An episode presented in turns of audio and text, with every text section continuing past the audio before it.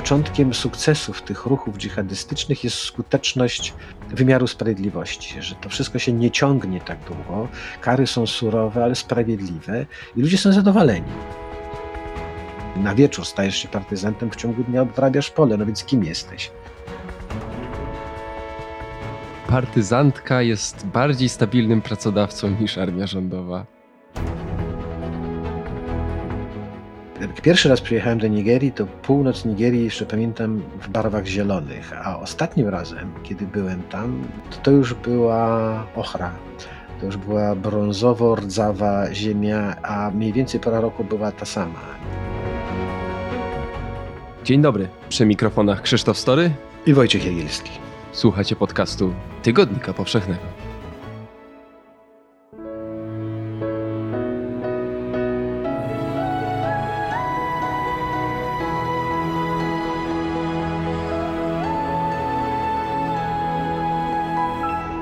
Podcast powszechny. Weź, słuchaj. Witając się z Wami, yy, chciałem jeszcze zaproponować yy, dobrą formę kontaktu, gdyby ktoś chciał e, zgłosić jakieś uwagi, pochwały, e, czy w ogóle skomunikować się z nami, to można pisać na podcast małpa tygodnikpowszechny.pl. To jest dla nas e, szalenie cenne. A dzisiaj zaczynamy od aktualnej wiadomości, która będzie przyczynkiem do dyskusji o w zasadzie ostatnich 11 latach i przeniesiemy się do Afryki. Aktualna wiadomość jest taka. Porwany w kwietniu w Burkinie Faso Polak został uwolniony pod, w ostatnich dniach e, czerwca. Potwierdziło to MSZ. E, w depeszy Polskiej Agencji Prasowej czytam to potwierdzenie. Przyjechała do niego do Burkina Faso polska delegacja, e, żeby odebrać tego porwanego dwa miesiące wcześniej Polaka. Czytam też, że porwała go jedna z dżihadystycznych grup działających w Burkina Faso. Czyli tak naprawdę kto? Nie wiadomo, dlatego że e, to, kto się przyznaje do uprowadzenia, nie znaczy, że akurat ta organizacja zajmowała się porwaniem. To bardzo często są prace wykonywane na zlecenie albo e, oddolna inicjatywa, bo mm, jeżeli ktoś żyje z rabunku z przemytu, a tam wiele osób z tego się utrzymuje od dziesięcioleci, to doskonale wie, że mm, wzięcie do niewoli cudzoziemca, obywatela Zachodu, mm, oznacza, że znajdzie nabywców na ten szemrany towar e, za znacznie większą sumę pieniędzy niż przemycany samochód czy karton papierosów, więc e, równie dobrze jakaś zwykła przemytnicza e, banda mogła porwać Polaka i odsprzedać go organizacji, której przyświecają także cele polityczne i która prowadzi wojnę partyzancką w tym regionie. No właśnie, może akurat w Burkina Faso nie od 10 lat, ale, ale już blisko, blisko będziemy mogli obchodzić dziesięciolecie wojny dżihadystycznej w Burkina Faso. Kto się z tym, kto się targował o uwolnienie jeńca, no to też jest trudne pytanie, dlatego że rzadko kiedy albo prawie nigdy tego rodzaju negocjacje nie toczą się bezpośrednio. Zawsze występują osoby ułatwiające kontakt, e, przekazujące żądania, mm, uczestniczące w tych targach. I nie dowiemy się zapewne, mm, kim są e, ci porywacze, czy ci, którzy w sprawie mm, zakładnika się targowali. Tak samo jak nie dowiemy się, przynajmniej oficjalnie, nigdy y, jaka była cena za uwolnienie jeńca. Natomiast. Bo rozumiem, że to, że jakaś cena była, jest y, pewne, Twoim zdaniem. No, chciałem to właśnie dokończyć, myśl, że, że, że, że rzadko albo prawie nigdy nie zdarza się tak, że y, ktoś uprowadzony w tej części świata, czy w ogóle ktoś uprowadzony, zyskuje wolność, bo porywaczom się odwidziało, albo uznali, że to była jakaś tragiczna pomyłka, bo naprawdę kogoś innego szukali. E, albo, e, no, chyba, że jest odbijany w wyniku jakiejś e, operacji ratunkowej, ale jeżeli tak się dzieje, to zwykle ci, którzy tą operację przeprowadzają, chwalą się. No, chyba, że tej operacji towarzyszy jakaś tam krwawa jadka, w której giną żołnierze i odzyskujemy jednego, a tracimy 20. Ja podejrzewam, że mm, w tamtej części i w, tej, w, tej, w, tej, w tej sprawie doszło jednak do jakichś targów, e, kiedy pojawia się słowo zakładnik, porywacze, to zwykle nam to się kojarzy z jakąś ogromną sumą pieniędzy. Rzeczywiście e, w tamtej części świata za uwolnienie jeńca e, porwanego e, za Europejczyka czy obywatela Zachodu płaci się średnio milion, dwa miliony dolarów. Tyle zapłacił papież Franciszek za uwolnienie bodajże dwa, miesiąc temu czy dwa miesiące temu uprowadzonej w, też w Sahelu e, kolumbijskiej bodajże zakonnicy, no więc to taka byłaby stawka, jeśli chodzi o pieniądze, natomiast nie muszą to być wcale pieniądze, to są wymiana, e, ktoś oddaje jeńca w zamian za uwolnienie z więzienia towarzyszy broni pojmanych w czasie operacji prowadzonej tam, nie wiem, pół roku czy dwa lata wcześniej, albo e, targuje jakieś ustępstwa polityczne. No, otargować się można w zasadzie o wszystko. Pieniądze są tylko taką najbardziej spektakularną może, czy taką stereotypową formą zapłaty, która no, nam pierwsza przychodzi na myśl ten pan, porwany obywatel Polski, e, jest już e, bezpieczny. MSZ oczywiście z uwagi na e, charakter sprawy już zapowiedziało, że żadnych szczegółów dalszych nie usłyszymy. Zresztą dziwne by było, gdyby takie rzeczy były oficjalnie podawane do publicznej wiadomości. Przeczytałem po raz pierwszy o uprowadzeniu tego naszego rodaka, no właśnie pod koniec kwietnia podał tę informację jeden z portali międzynarodowych zajmujących się dżihadystami w ogóle, ostatnio właśnie głównie w tej części Afryki, e, w Sahelu. I trochę byłem nawet zdziwiony, zdumiony, że ta informacja jakoś nie została e, w Polsce nagłośniona czy ujawniona.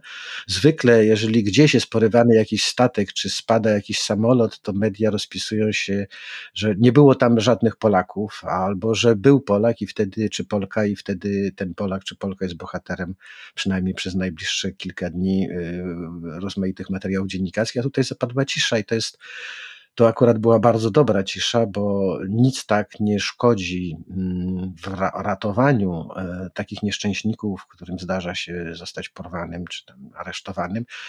Nic takim nie szkodzi jak rozgłos, a, a cisza właśnie jest najlepszym rozwiązaniem, że jeżeli ta cisza była, tak sądzę, zaplanowana, obojętnie przez kogo, czy przez stronę mm, polską, czy też przez stronę Unii Europejskiej, bo raczej tam bym źródeł tej operacji ratunkowej e, szukał. No, my nie mamy w tej części Afryki ani chyba ambasad, ani żadnego praktycznie doświadczenia w kontaktach z ludźmi e, z tamtej strony barykady, natomiast mają to doświadczenie znakomite Francuzi.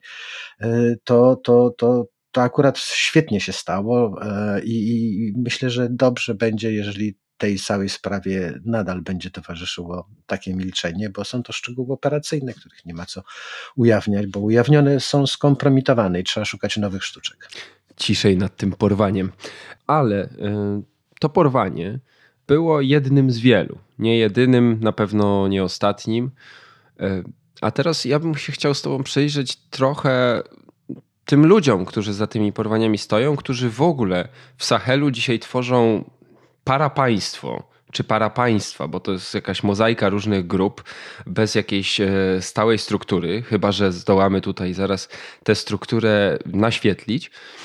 Mówimy o czymś, co roboczo możemy nazwać państwem islamskim w Afryce. No nie tylko, dlatego że państwo islamskie kojarzy nam się z tym jednym z odłamów tego ruchu dżihadystycznego. Państwo islamskie nam się kojarzy właśnie z, tym, z tą organizacją z Eufratu i Tygrysu, z Iraku, potem z Syrii. Która poniosła klęskę. Poniosła klęskę zbrojną, ale klęska zbrojna nie, wcale nie musi oznaczać katastrofy politycznej, czy w ogóle zagłady takiego ugrupowania. E, tego rodzaju ugrupowania fanatyczne, odwołujące się do emocji i wiary, a nie do racjonalnych argumentów, bardzo często klęskę przeradzają w męczeństwo, a z tego męczeństwa tworzą sobie nowy jakby byt i, i, i na tym chętnie korzystają. Zresztą te ruchy partyzanckie, dżihadystyczne odradzają się. Trochę to my jesteśmy przyzwyczajeni, że do takiego wyobrażenia, że jak jest jakaś armia partyzancka czy ruch polityczny, to po śmierci jego przywódcy ten ruch będzie śmiertelnie ranny albo, albo, albo no w ogóle zginie. A tam się okazuje, że można tych kalifów aresztować, zabijać tuzinami, a odradzają się na poziomie bardzo lokalnym. No i właśnie od tego zacząłeś ten wątek tego Sahelu, kim oni są. No więc na Sahelu, a to jest ogromny obszar rozciągający się no, bez przesady od wybrzeży Morza Czerwonego aż po wybrzeża Atlantyku, na południe od Sahary. To jest taki pas sawan obejmujący kraje, które istnieją w zasadzie bardziej na mapie niż w rzeczywistości, gdzie rządzący kontrolują swoje stolice i pewnie niewiele poza tym. Kraje, które zawsze należały do najbiedniejszych i najbardziej zacofanych. Więc tam pojawili się e, dżihadyści. Łączy ich ta jedna idea, znaczy próba urządzenia świata według przykazań bożych, muzułmańskich akurat, bo oni wierzą, są wyznawcami islamu. I każda z tych ugrupowań na swój sposób, no jest to proste zadanie jakby i, i, i te przykazania no, też nie są bardziej skomplikowane niż e, nasze. Oni po prostu wcielają je mm, w życie, uważając, że no, tylko w taki sposób. Jest to ostatnia, ostatni ratunek, ostatnia nadzieja, żeby wyrwać się z tej niemocy, z tej beznadziei, z tego poddaństwa, bo w dalszym ciągu uważają i mają w tym trochę racji, że świat został urządzony nie przez nich samych, świat, w którym oni żyją, tylko został urządzony na wzór zachodni. Kodeksy prawne, administracja, zachowania, systemy polityczne no, zostały implantowane w tej części świata, jak zresztą we wszystkich innych. No, nie są rodzimym wynalazkiem, tylko przywędrowały z Europy raz, razem z rozmaitymi innymi rzeczami, więc oni przeciwko wszystkiemu temu walczą. Nie mają jakiejś centralnej struktury. Póki istniała Al-Kaida, to wszystkie te ugrupowania próbowały zdobyć sobie wydzierżawić od Al-Kaidy sztandar Al-Kaidy i znak firmowy, no bo przydawało to im powagi, grozy, a Al-Kaidzie dawało przekonanie, że jest ruchem już globalnym. Czyli taka dżihadystyczna franczyza. Tak, tak. Natomiast potem pojawiła się konkurencja do Al-Kaidy, właśnie to państwo islamskie i te ruchy też się podzieliły, bo póki górą była Al-Kaida, większość była z Al-Kaidą. Kiedy to państwo islamskie okazywało się ruchem dzielniejszym, radykalniejszym, a przede wszystkim zwycięskim, bo państwo islamskie zwyciężało wtedy, kiedy Al-Kaida przegrywała, bo była na celowniku Amerykanów, to te ruchy y, podpisywały się pod y, etykietą państwa islamskiego, a państwo islamskie bardzo chętnie im te, te, ten, ten swój, te, te, te, te t-shirty z napisem państwo islamskie jest najlepsze wydzierżawiało. I dzisiaj można te ugrupowania podzielić na, na bliższe Al-Kaidzie i bliższe państwu islamskiego. Pojawiły się e, różnice, bo na przykład Al-Kaida, być może nauczona porażką w tej wojnie z Ameryką, była pierwszym na Sahelu ugrupowaniem, które mówiło, że jeżeli ma się tam utrzymać i dokonywać jakiej, jakiejś ekspansji, to powinno się szukać nowych zwolenników i rekrutów poza Arabami, bo ten ruch dżihadystyczny w Afryce, y, początki to były jednak arabskie. To byli ludzie, którzy uciekli z Algierii po przegranej wojnie domowej, no ale y, mogli się utrzymać tylko tam, gdzie mieszkali Arabowie, bo te animozje etniczne i rasowe nie kończą się na kolorach białym i czarnym i Afrykanie pamiętają, że najbardziej groźnymi czy pazernymi handlarzami niewolników byli jednak Arabowie. Inna rzecz, że ci Arabowie żyją po sąsiedzku na tych samych ulicach, podczas gdy biali państwo zawsze mieszkali w oddzielnych dzielnicach, ale nie ma wielkiej przyjaźni, y, czy powiedzmy jakiejś, nie wiem, sentymentu między obydwoma e, grupami. Więc Al-Kaida wpadła na pomysł, że jeżeli ma się rozwijać, to musi się otworzyć na muzułmanów o czarnym kolorze skóry. Państwo islamskie długi czas było temu oporne i w ogóle zdawało się w, swoim, w swojej ortodoksji, w swoim takim fanatyzmie nie tylko nie zauważać i nie uznawać różnic etnicznych, ale także rasowych. Dla nich stwierdzenie, że czarny muzułmanin, brązowy muzułmanin czy biały muzułmanin było po prostu grzechem śmiertelnym, grzechem, może nawet nie grzechem, jakimś wykroczeniem strasznym przeciwko islamowi. Jest się człowiekiem wierzącym albo, albo nie jest się człowiekiem, bo w ich postrzeganiu nie ma czegoś takiego jak człowiek niewierzący. E, nie ma takiego bytu pośredniego między, między zwierzęciem a, a człowiekiem, a człowiek jest istotą wierzącą i koniec, kropka. Więc, y, ale to też się zmienia, bo, bo państwo islamskie widząc, że jednak e, te podejście Al-Kaidy jest skuteczniejsze, też się otwiera na miejscowych, zresztą na Boga jedynego. No jeżeli by się nie otworzyło, to w końcu by rzeczywiście zostało eksterminowane, czy przez Francuzów, czy przez te armie słabe, bo słabe, ale jednak silniejsze niż tam paru dziesięcioosobowe grupki partyzanckie. Więc y, tych ugrupowań bardzo lokalnych jest cała masa. Są bardzo zdecentralizowane. Są takie struktury poziome, bym powiedział, nie otrzymujące żadnych rozkazów od centrali, a mające jedynie jakieś ogólne wytyczne wynikające z wiary w to samo i z wrogości do tego samego, niż z rozkazu, który, no właśnie, ale od kogo ten rozkaz miałby, miałby, miałby nadejść? No, wszystkich kalifów, jak którzy się ujawniają, natychmiast Amerykanie czy Turcy wybijają albo aresztują. Kiedy możemy mówić o takim punkcie zwrotnym, kiedy tych dżihadystów w Afryce zrobiło się więcej, zrobiło się na tyle dużo, że stanowią już bardzo poważną siłę, którzy czasami większą siłę niż te państwa, które no, można powiedzieć para państwa, te Mali czy właśnie Burkina Faso e, czy Niger, gdzie nie, nie cały teren państwa jest kontrolowany przez władzę, bo mówisz, że e, jednym z komponentów, który ich łączy, to jest oczywiście wiara, to jest ta podstawa, e, to jest to, co wspierają, ale też łączy to przeciwko czemu występują, czyli ogólnie rzecz biorąc Zachód, My, może nie my bezpośrednio. E, pytam, wiesz, czy takim punktem zwrotnym e, była wojna w Libii w 2011 roku? E, z całą pewnością tak. Natomiast ta część Afryki północ, bardziej północna, no, trudno mówić o północny, jak mówimy o regionach położonych tuż nad równikiem niemalże, ale ta część Afryki, dokąd zawędrował islam przed wiekami, ma swoje tradycje i historię dżihadystyczną. Wspomnę tylko o ogromnym imperium z przełomu XVIII-XIX wieku Usmana Danfodio. To był wódz, przywódca Fulanów. E, właśnie w zachodniej Afryce działał, tworzył jego państwo, zbudował na mniej więcej tych terenach, gdzie dzisiaj działają dżihadyści. E, no, powstanie Mahdiego w Sudanie, no to, to, to była nie tylko rebelia przeciwko mm, Anglikom, ale także próba urządzenia państwa według praw e, Koranu, a nie kodeksów europejskich. Ale rzeczywiście w tym ostatnim czasie to są dwa takie punkty. Początkowy to jest wojna domowa w Algierii, gdzie na przełomie XX i XXI wieku powstańcy y, odwołujący się do najradykalniejszej wersji islamu przegrali wojnę domową i uciekli z Algierii, a mogli uciec tylko na Saharę, y, do Sahelu.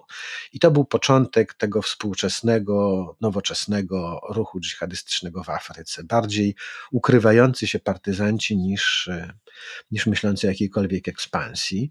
Natomiast wojna domowa w Libii, porażka Kaddafiego, no, to był po prostu dar z nieba dla dla, dla tych ukrywających się i dla tych, którzy myśleli o, o budowie czegoś nowego e, w Sahelu. E, to były dwie sprawy. Po pierwsze, e, Libia to jest ogromne państwo, które stało się państwem upadłym. Tam można było bezpiecznie się chować, a przede wszystkim zbroić, bo Kaddafi zbroił się przez całe swoje długie panowanie i miał w zasadzie wszystko pewnie w swoich arsenałach, poza bombami atomowymi i okrętami podwodnymi. Aczkolwiek co do okrętów podwodnych, to pewności też bym nie miał, że ich gdzieś tam nie krył.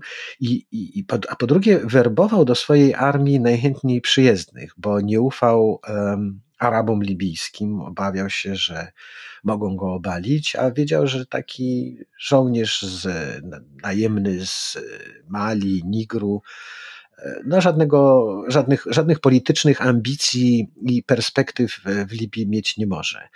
Pokonany przez e, powstańców libijskich, wspieranych przez Zachód jednak, e, roztrwonił to swoje to, to, to, wojsko i tą wojskową potęgę, a jego żołnierze, właśnie najemnicy czy ochotnicy, których wcielał do wojska, zrabowali mu te arsenały i z taką potężną mm, no, uzbroili się w zasadzie, e, to było niewiarygodne, e, ta, ta, ta, ta grabież arsenałów Kaddafiego i pojawiła się na południu Libii potężna partyzancka armia. Akurat to byli Tuaregowie malijscy, którzy chętnie się zatrudniali w armii Kaddafiego, a jednocześnie walczyli o utworzenie czegoś własnego na północy Mali.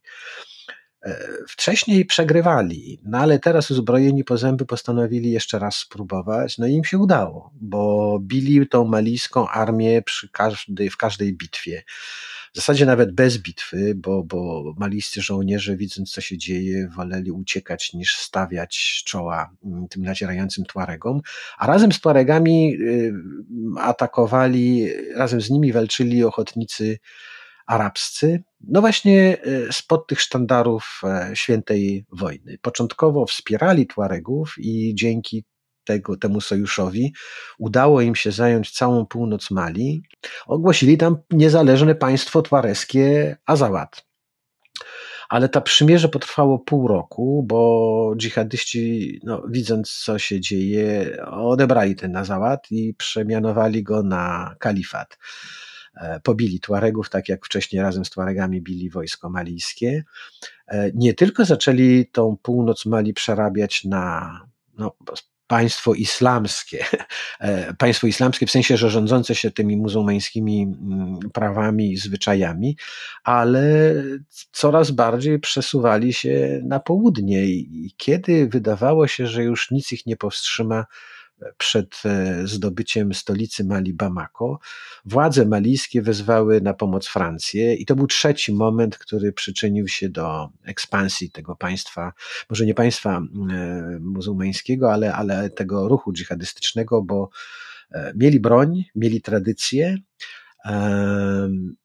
stało się, zobaczyli, że jest ich wielu i że można wygrywać Przegrali, ale przegrali z rąk cudzoziemców i to w dodatku Francuzów, czyli byłych kolonizatorów. Najbardziej znienawidzonej nacji w Sahelu. Tak, tak, w, w Sahelu. E, czy powiedzmy no, znienawidzonej, to, to, to takie dziwne uczucie, coś między nienawiścią a, a, a miłością, bo oni może i nienawidzą Francuzów, czy nie są, nie zapomnieli Francuzom tego czasu kolonialnego, ale jak mają gdzieś wyjeżdżać do Europy, no to głównie jednak do Francji, a nie do Szwecji, czy do Norwegii, czy do Polski.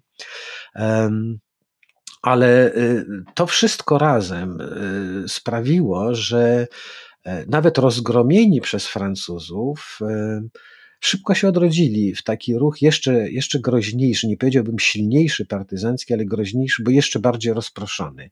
Przenieśli też wojnę w 2015 roku właśnie do Burkina Faso, e, kraju chyba najsłabszego i najbiedniejszego ze wszystkich w okolicy i zaczęli działać na tak ogromnym terytorium, że te 5 tysięcy żołnierzy francuskich, których, e, których nie było wystarczająco wielu na samo Mali, nie miało najmniejszych szans, żeby żeby, żeby, żeby urządzać te obławy, polowania z nagonkami na dżihadystów na, na tak ogromnym obszarze, zwłaszcza obszarze, te, ten teren też im sprzyjał. Wyjdę mhm. ci w słowo, mówisz o pięciu tysiącach żołnierzy francuskich, a da się podać liczby, które były po drugiej stronie? O jakiej skali?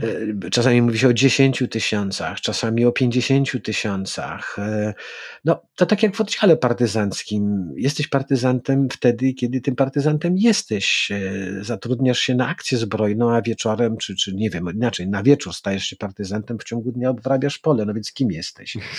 Rolnikiem czy, czy, czy, czy partyzantem, czy pasterzem?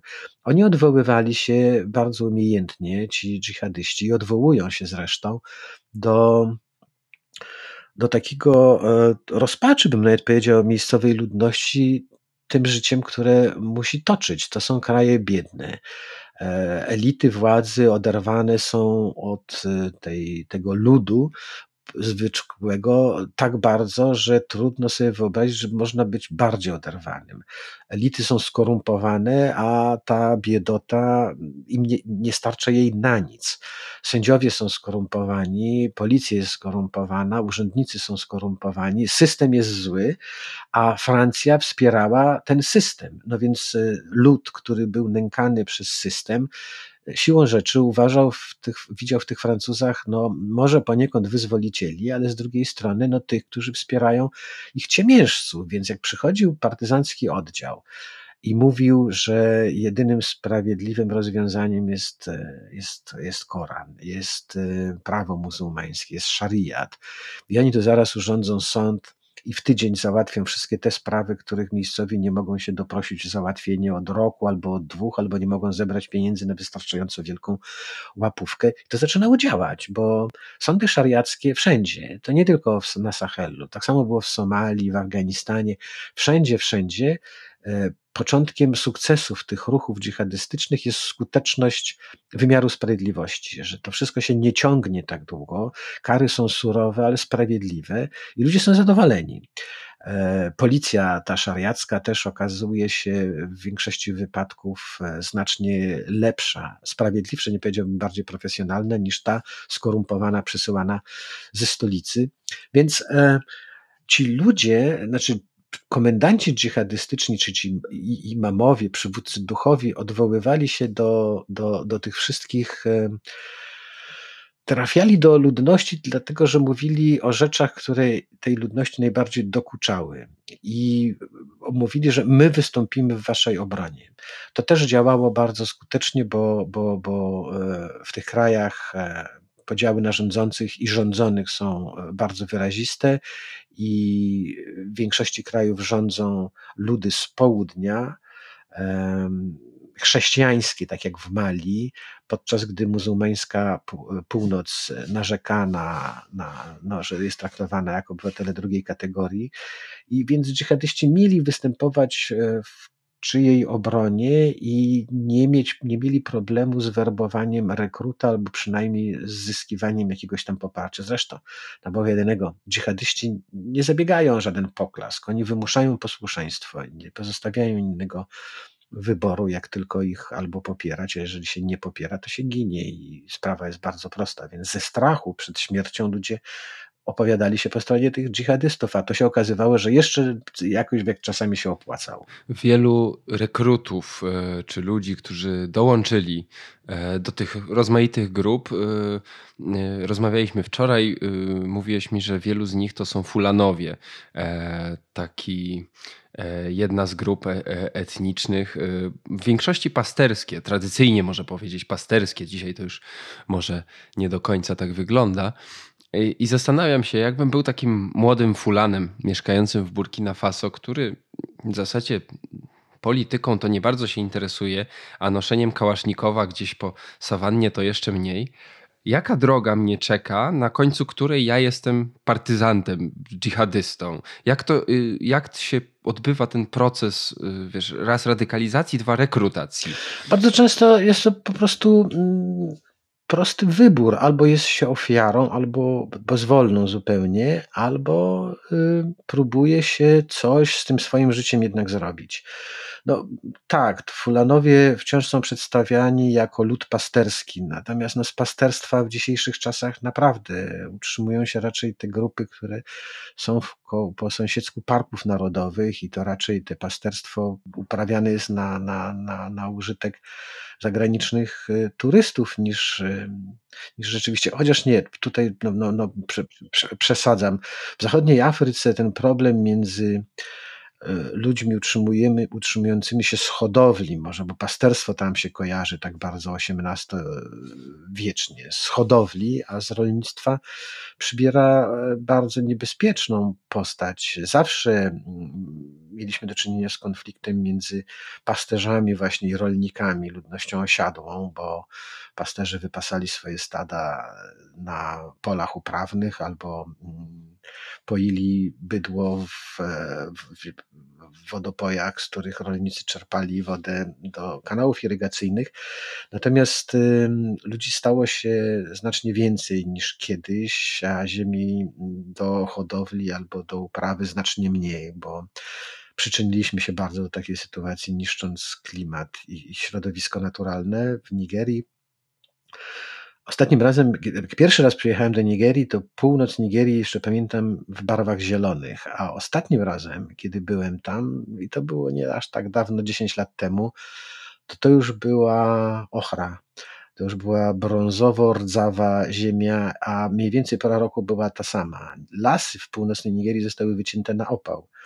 E, pastwiska, które kiedyś właśnie Fulanie, Fulanowie mieli na północy, wyschły i dzisiaj muszą wypasać swoje stada już w środkowej Nigerii, pędząc je w szkodę.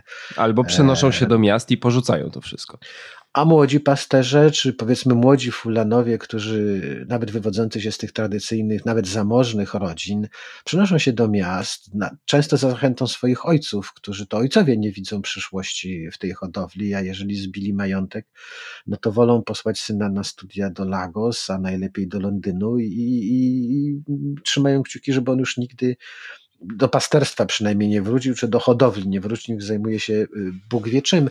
Ale jak ci, jak ci ludzie trafiają do partyzantki? No to, to nie jest dola tych najbogatszych Oczywiście. synów e, wielkich hodowców, natomiast e, jeżeli mówimy o jakiejś, wyobraźmy sobie taką wioskę, w której mieszkają Fulanowie. Oni są oskarżani przez władzę o sprzyjanie dżihadystom, więc ludzie z sąsiedztwa, którzy nie są muzułmanami, patrzą na tych Fulanów jako mm, zdrajców, jako potencjalne zagrożenie, które, na ludzi, którzy dla własnej korzyści ściągną tych partyzantów i zadenuncjują sąsiadów jako, jako niewiernych. No więc są traktowani jako obcy. Wojsko rządowe zawsze traktuje ich, choćby z racji wiary, e, jako element podejrzany. E, więc często nie mają żadnego innego wyjścia, że albo być bitym, albo nie dostać tych batów, zaciągając się do partyzantki, mimo że nie podziela się e, żadnych. Idą do partyzantki z odwetu, z chęci odwetu, a nie z wspólnoty poglądów politycznych, czy też e, jakiegoś marzenia o, o, o, o kalifacie, państwie islamskim, Bożym państwie na ziemi. Bardzo często zaciągają się do, młodzi ludzie w Afryce zaciągają się do wojska dla zarobku, bo jednak te ugrupowania partyzanckie płacą żołd może niższy, ale płacą regularnie, podczas gdy wojsko rządowe obiecuje wiele, a zwykle nic z tych obietnic y, y, nie zostaje potem. Partyzantka ma to do siebie, że bierze też łupy. Wojsko rządowe stara się tych łupów nie brać, a jeżeli bierze, to wtedy spotyka się z międzynarodowym potępieniem, bo jest to zbrodnia, a partyzantom się to jakoś, może nie, że wybacza, ale wydaje się czymś takim no, oczywistym, że jak oddział partyzancki napada na jakąś wieś, to grabi posterunek, a przy okazji sklep spożywczy i wraca do, do, do buszu z tymi, z tymi trofeami. Partyzantka jest bardziej stabilnym pracodawcą niż armia rządowa. Tak, tak, tak. To, to, to w wielu regionach świata, może w regionach świata, ale tam, gdzie jeździłem e, na, na te rozmaite partyzanckie wojny w Afryce, w Azji Południowej, także na Kaukazie, wiarygodniejszym pracodawcą był komendant partyzancki niż dowódca rządowego wojska. Zwykle, ponieważ właśnie tak się działo, to przeciwko temu rządowemu wojsku powstawała jakaś partyzantka, żeby ludzie szli do partyzantki, żeby walczyć z niesprawiedliwością, z jakimś łajdactwem, draństwem. I przynajmniej na początku ta partyzantka e, no, postępowała według innych, e, innych reguł. Czasami lepiej dostawać mniej, ale regularnie niż dostać raz, a potem być sfrustrowanym, że następnej wypłaty już nigdy nie było, a okazuje się, że komendant zgarniał żołd i mój, ale także kolegów, których nigdy, którzy nigdy nie istnieli. Te martwe dusze to jest wymysł nie, nie rosyjskiej literatury. No dobrze, a spróbujmy na to spojrzeć y, z góry, bo już mniej więcej e, mogę zrozumieć los e, czy historię takiego chłopaka, który w moim wieku na przykład, czy nawet młodszych, e, zaciąga się do partyzantki. E, natomiast jakby spojrzeć na to z góry i skupmy się na Sahelu, e, jakie obszary, jak duża jest ta kontrola tych różnych grup dżihadystycznych? To też jest właśnie mm, nasze jakby sposób patrzenia na te, na te, na te wojny. Może jesteśmy usprawiedliwieni, że państwo islamskie to jest Iraku i Syrii też w ten sposób przez chwilę myślało. W tym apogeum sukcesu oni chętnie mówili, że kontrolują jedną trzecią Syrii, jedną trzecią Iraku, podczas gdy terytorium dla tych ruchów dżihadystycznych, muzułmańskich nie, ma, nie mało nigdy większego znaczenia. Ważne są dusze. Bo dusze płacą podatki? Dusze płacą podatki, ale no o ludzi chodzi, a nie o terytorium. E, szczerze myślę, większości z nim chodzi, szczerze wierzą w to, że ta droga, którą oni wybrali, do której naganiają wszystkich innych, że to właśnie ona jako jedyna prowadzi ku zbawieniu tej wiecznej szczęśliwości. No dobrze, ale no, jesteśmy jacy jesteśmy wertując te rozmaite raporty czy oświadczenia polityków i wojskowych, no wychodzi na to, że na przykład w Mali rząd kontroluje jakąś jedną trzecią państwa. E, mimo, że w Mali ci dżihadyści pojawili się jako pierwsi i tam głównie byli obecni żołnierze francuscy. Byli, bo to jest rzecz przeszła. I tu chciałbym jeszcze słowo wrócić, bo to jest zasadnicza rzecz w, w dzisiaj. Burkina, Burkina Faso e, rząd sam mówi, że kontroluje najwyżej 50-40% terytorium kraju. Ostatnio ogłosił, zapowiedział ludności z dwóch regionów bardzo rozległych, że ma ta ludność dwa tygodnie. One właśnie dobiegają końca ten termin, te dwa tygodnie, że mają się wynieść stamtąd, bo tam właśnie armia rządowa będzie, będzie toczyła wojnę z partyzantami E, no, z jednej strony powiedzieli, że to, to łatwiej im będzie rozróżnić, kto jest partyzantem, a kto, a kto e, ludnością cywilną. To a propos tego pytania też, można, które mi zadałeś, kto, ilu ich tam jest. A, a z drugiej strony to jest, to jest dopiero e, oznaka bezradności, takiej beznadziei tej armii i tego państwa z Burkina Faso, bo mówi o to państwo swoim obywatelom, że wynoście się ze swoich domów, bo na tych terytoriach my wam nie możemy gwarantować żadnego bezpieczeństwa. No to pokazuje stan rzeczy w Burkina Faso. W Mali jest nieco lepiej, w Nigrze jest dużo lepiej, natomiast e, to w dalszym ciągu są kraje, gdzie mm, trudno powiedzieć, e, to, że rząd wczoraj wysłał wojsko i to wojsko było w jakimś wilajecie, e, to nie znaczy, że nastajutrz tym, ten wilajet wciąż pozostaje pod kontrolą władz centralnych. E, władza państwa jest w tym regionie słabiuteńka albo, albo nieistniejąca.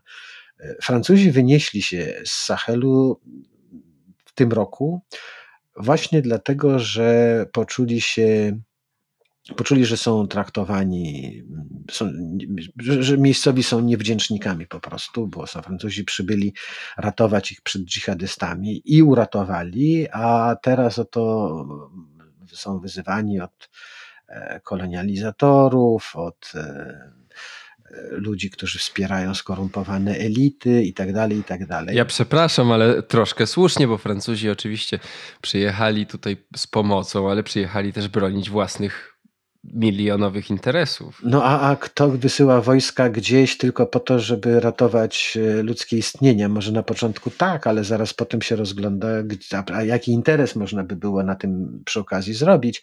I to nie musi być interes polegający na przejęciu miejscowych pól ropy naftowej czy jakiejś tam góry platyny, ale wizerunkowy interes, który bardzo często się przydaje. Prezydent Bush wysłał wojska w 1991 roku, żeby ratowały e, głodujących Somalijczyków. Nie dlatego, że raptem tych Somalijczyków mu się zrobiło żal, tylko w ten sposób bardzo chciał poprawić wizerunek Ameryki po inwazji na, na Irak. No, na początku się udało, a potem jak zwykle zakończyło się piękną katastrofą i bitwą z helikopterem w Mogadiszu w roli, w roli głównej. Więc y, tych Francuzów bym za bardzo nie potępiał, bo to, to dzięki ich interwencji y, dżihadyści y, dopiero teraz kontrolują te terytoria, a przez 10 lat byli jednak trzymani w jakimś tam E, szachu, e, tak jak Amerykanie e, w Afganistanie. No, tak, tak Francuzi w Mali też tą wojnę przegrali, wycofali się. W dodatku Sahel stał się w ostatnim czasie areną tej takiej zachodniej już wojny kontynentalnej, dlatego że po Francuzach do Sahelu wpychają się Rosjanie. Oni z kolei rzeczywiście mają tam interesy i Rosjanie posyłają nawet nie swoje wojska, posyłają instruktorów wojskowych, ale najemników z tej legendarnej niby grupy Wagnera. Do walki z partyzantką dżihadystyczną, ale przede wszystkim za, w zamian za surowce mineralne, no i głosy w ONZ.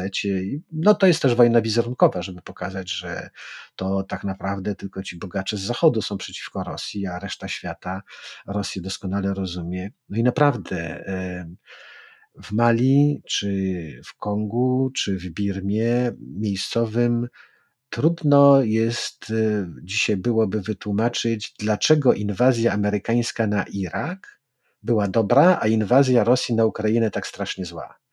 E, postawmy się w, w, sytuacji mieszkańców jakiegoś odległego kraju z odległego argumentu i spróbujmy sobie właśnie no tak to sobie wytłumaczyć. Dlaczego jedno było dobre, dlaczego drugie było takie złe. Złe była i jedna, i druga, ale używając wtedy takiej właśnie żonglerki y, lingwistycznej, wytrąciliśmy sobie dzisiaj wiele argumentów z rąk, próbując tą resztę świata przekonać, że, że Rosja jest jednak zagrożeniem. Ale to, ta, ta obecność te, tego konfliktu zachodnio-rosyjskiego w Sahelu też tylko bardzo komplikuje sprawy, bo e, no to się przekłada na, na, na, na pomoc. No trudno Unii Europejskiej pomagać dzisiaj na przykład rządowi malijskiemu, który po pomoc wojskową sięga e, do Rosji. No więc ta pomoc, pieniądze, które Unia dawałaby Bamako, miałyby iść na opłacanie najemników Wagnera. No, trochę tak się to kupy nie trzyma, nie dawać z kolei.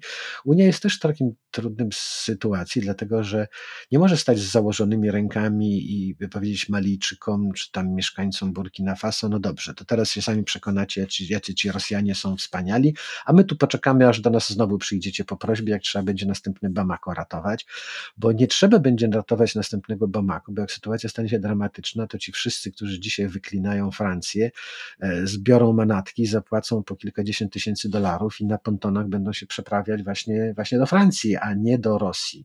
No, do Rosji nie słychać o tym, żeby armie uchodźcze zmierzały, słychać tylko, czy mówi się tylko o robotnikach sezonowych z Azji Środkowej, ale dokądś, dokądś oni mieliby y, jechać na ten, na ten zarobek? No przecież nie do Chin, najbliżej mieliby do Xinjiangu, a tam marnie się zarabia. Mm, no właśnie, chciałbym, żebyśmy jeszcze dwie kwestie y, poruszyli.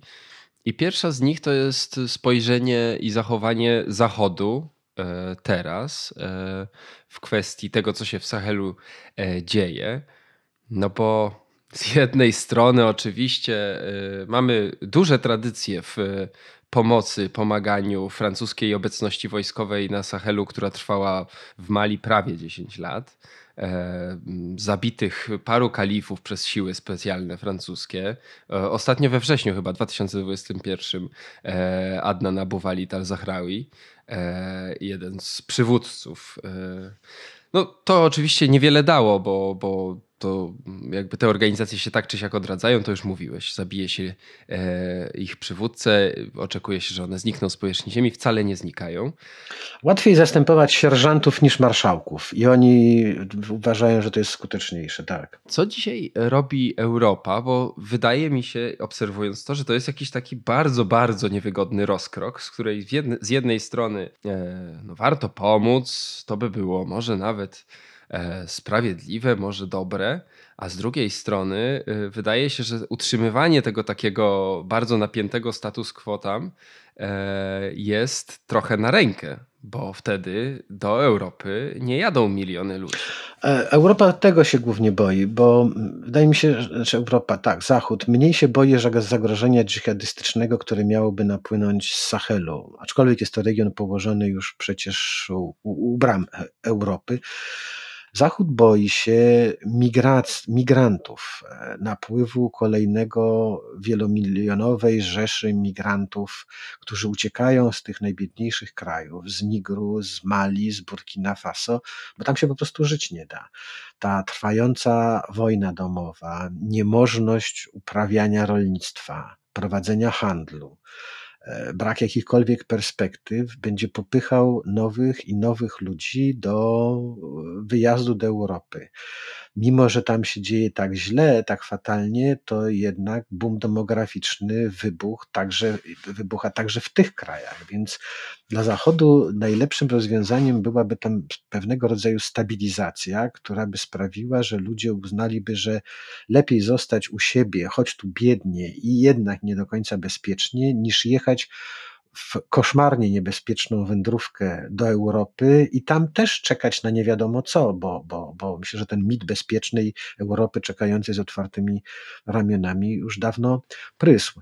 Czekaj, czyli, czyli mówisz, że ten że kalifat y, oczami Europy to jest szansa na taką właśnie stabilizację? Nie, nie, nie, nie, nie. To, to, to, to absolutnie nie. Natomiast jest, jest pewna różnica w podejściu. Parę lat temu, e, i to głównie Francuzi, sprzeciwieli się jakimkolwiek układom z, z, dżih z dżihadystami. E, no, powodem było też, no, no, był fundamentalny, ten zasadniczy, że się nie rozmawia z ludźmi stosującymi terror i tak dalej. No, no, no koniec, nie i nie. E, natomiast przywódcy miejscowi z Sahelu układali się z tymi ugrupowaniami już od lat, dużo, dużo wcześniej. Na początku XXI wieku, kiedy one, te ugrupowania się pojawiły, kolejne kraje zawierały z nimi takie pakty, takie przymierza, że na przykład taki prezydent Mali wiedział, że przez jego kraj E, idą szlaki przemytnicze, którymi zarządzają także komendanci dżihadystów.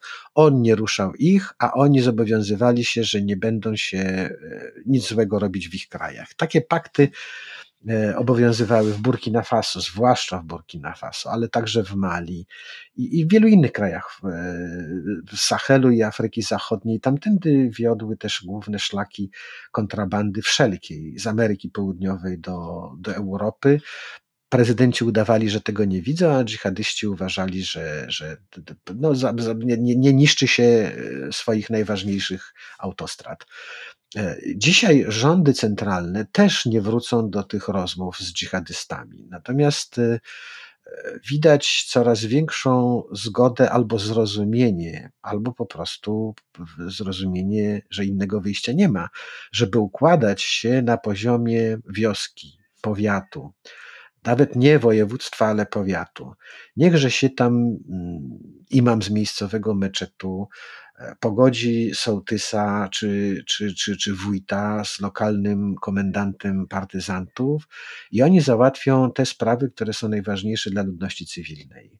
To znaczy na przykład, że ludzie będą przestrzegać takich a takich zasad narzucanych przez partyzantów i będą płacić im jakiś tam podatek. Ale w zamian za to partyzanci nie będą atakować ich, kiedy ze swoimi towarami będą wędrować na targowisko, żeby to wszystko sprzedać. Że w szkołach będzie się uczyć tak i tak, ale partyzanci z kolei wtedy się zgodzą, żeby te szkoły w ogóle otwierać. I taka zgoda na poziomie tym lokalnym nie szkodzi wizerunkowi niczyjemu, bo ci dżihadyści będą mogli mówić, że wygrali, bo, bo, bo żyją miejscowi w tej wsi tak, jak oni by sobie tego wyobrażali. Miejscowe władze będą się chwalić przed ludnością cywilną, że o proszę bardzo, wyjechali obcy i myśmy się potrafili dogadać i jest, panuje spokój, a my dalej rządzimy i co pięć lat będziemy się wybierali na prezydentów i premierów, a Zachód będzie mówił, że e, zadanie zostało wykonane, w takich krajach panuje spokój i, i ludzie przynajmniej mniej niż, niż, niż jak byłoby niespokojnie, mniej ludzi wędruje do Europy. I wydaje mi się, że e, w takich sytuacji, kiedy wali się wszystko dookoła, trudno sobie stawiać takie maksymalistyczne cele e, wszędzie. Czasami rozwiązanie tymczasowe jest lepsze, te możliwe, które pozwoli przetrwać do jutra czy do pojutrza, niż nie godzić się na nic e, pośredniego, tylko próbować zrealizować sobie ten swój cel. Zwłaszcza jeżeli to ja Polak miałbym realizować swój cel w Mali albo w Burkina Faso, które nie jest, jednak moim domem. Warto zresztą zastanowić się, czy ci miejscowi e, według jakich zwyczajów, praw e, i w jakich ustrojach oni woleliby tak naprawdę żyć, czy, czy, czy w tych, które proponują im miejscowi wynalazcy, czy też według tych mód i rozwiązań, które zostały sprawdzone i świetnie się mają, ale e, jednak w Europie, a, a, a nie tam. Mówisz o spokoju, który jest oparty na jakimś takim tymczasowym rozwiązaniu, bardzo często lokalnym, bardzo często nieprzewidywalnym dość, co tu się jutro zmieni, co się zmieni za dwa dni, czy ja mogę spokojnie obsiać swoje na przykład pole, e, czy mogę zainwestować, bo zaraz za rok mi to ktoś może zniszczyć. E, ten spokój się robi coraz bardziej napięty, bo tu jest jeszcze dla mnie bardzo istotny jeden czynnik, czyli zmiany klimatyczne, które powodują, że tam jest coraz ciężej, nawet o te tymczasowe rozwiązania. Niedawno 24 czerwca co najmniej 35 osób zginęło, e, próbując prze, przedostać się z Maroka do Mei, e, hiszpańskiej enklawy w Afryce. Takich przypadków będziemy obserwować jeszcze więcej.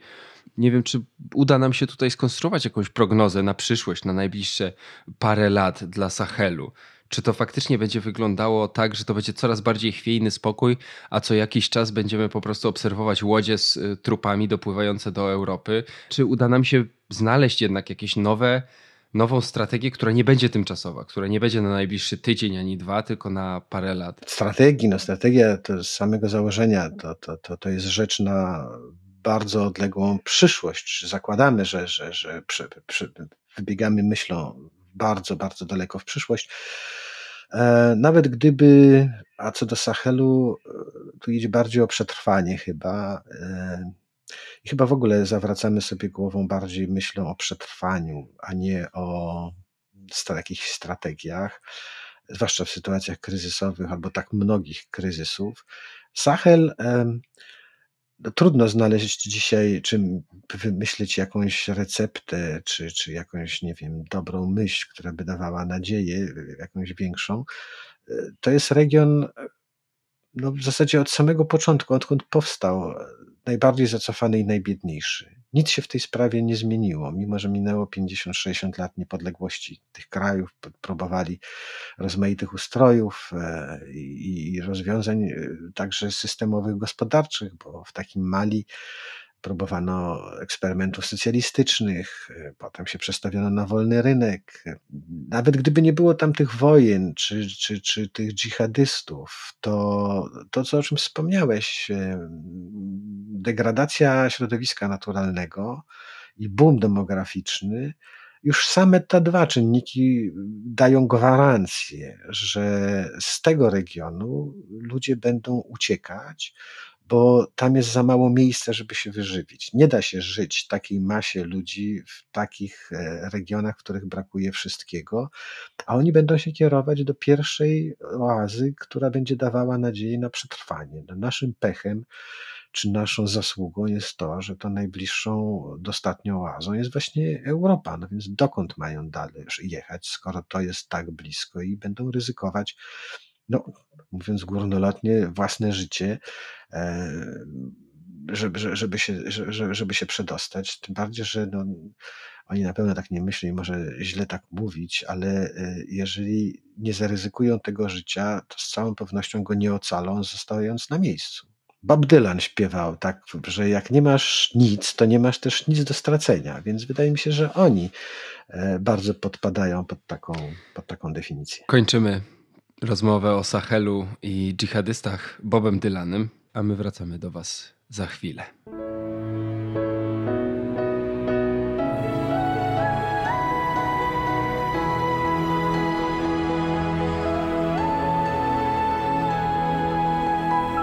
Podcast powszechny. Weź, słuchaj. No i jeszcze kilka wydarzeń innych ze świata, na które warto zwrócić uwagę. No i zaczynamy od y, podróży. Y, I to podróży zagranicznej Władimira Putina, pierwszej y, od wybuchu wojny. Tak, może nie jest to najważniejsza z podróży Putina, mm, bo pojechał do krajów sobie bardzo przyjaznych, do Tadżykistanu, najwierniejszego sojusznika w Azji Środkowej i do Turkmenii, całkowicie zależnej, E, może ta podróż do Turkmenii miałaby znaczenie większe, symboliczne, bo jest to kraj, który w momencie ogłoszenia niepodległości ogłosił się państwem wiecznie neutralnym, na podobieństwo Szwajcarii. Z tej podobieństwa do Szwajcarii została tylko ta neutralność, ale to jest to, czego Putin by pewnie oczekiwał od Ukrainy. E, no ale to nie to był przypadek, że akurat e, do Aszchabadu się wybrał, bo tam odbywała się narada przywódców państw nadkaspijskich. E, I nawet nie z powodu tylko rozmówców, aczkolwiek w Aszchabadzie rozmawiał z prezydentem Iranu. Putin e, to jest kraj, który może odegrać bardzo zasadniczą rolę w przyszłości, jeżeli ten konflikt będzie się ciągnął, a pewnie będzie, bo Iran to jest potęga energetyczna i w zależności od tego, co zrobi, to bardzo będzie miało to wielkie znaczenie dla, dla, dla przyszłości i Rosji i zachodnich sankcji ale zwracali uwagę y, dziennikarze, znawcy Rosji na to, że Putin pojechał tam w zupełnie innej kondycji fizycznej i psychicznej, że o ile na początku wojny wydawał się spięty, jakiś nerwowy, to w tej podróży już przypominał tego Putina. Hmm, tego macho e, grającego w hokeja albo jeżdżącego konno, czy, czy, czy ratującego tygrysy. Był e, swobodny, e, pewny siebie, pogodny.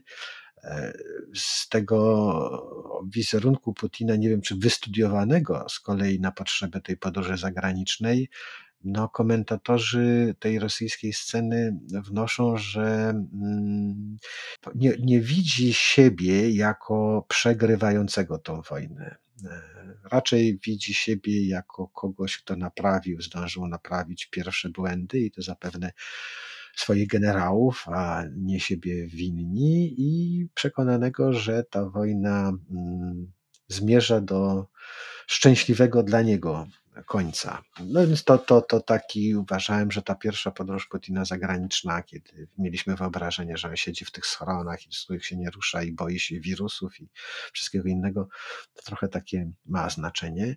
E, I dzisiaj jeszcze sprawa wiążąca się z, też z tą wojną ukraińską, to jest e, ucieszenie noblistów jesienią zeszłego roku Maria Ressa z Filipin i Dmitrij Muratow dostali pokojowego Nobla za zasługi w walce z wolnością słowa. No więc... W walce o wolność słowa. A co powiedziałem? Z wolnością słowa? Tak. O wolność słowa. Zasługi tak, dla, dla, dla, dla o, o wolność słowa.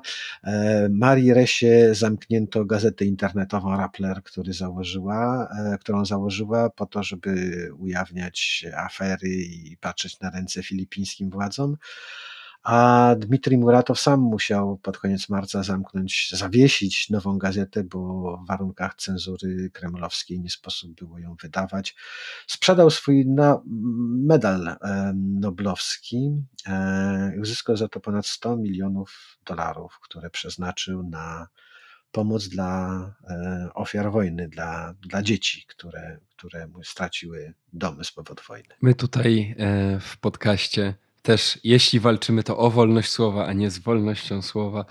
A w tym odcinku e, podcastu Jagielski Story to już wszystko. Słyszymy się za dwa tygodnie i polecamy się Waszej uwadze. Dzięki za wsparcie, za to, że nas słuchacie, że wspieracie e, w serwisie Patronite. I jeśli e, chcecie się z nami skontaktować, przekazać jakieś miłe słowo, to polecam maila podcast małpa tygodnikpowszechny.pl a dzisiaj przy mikrofonach y, siedzieli e, Krzysztof Story i Wojciech Jagielski. Do usłyszenia.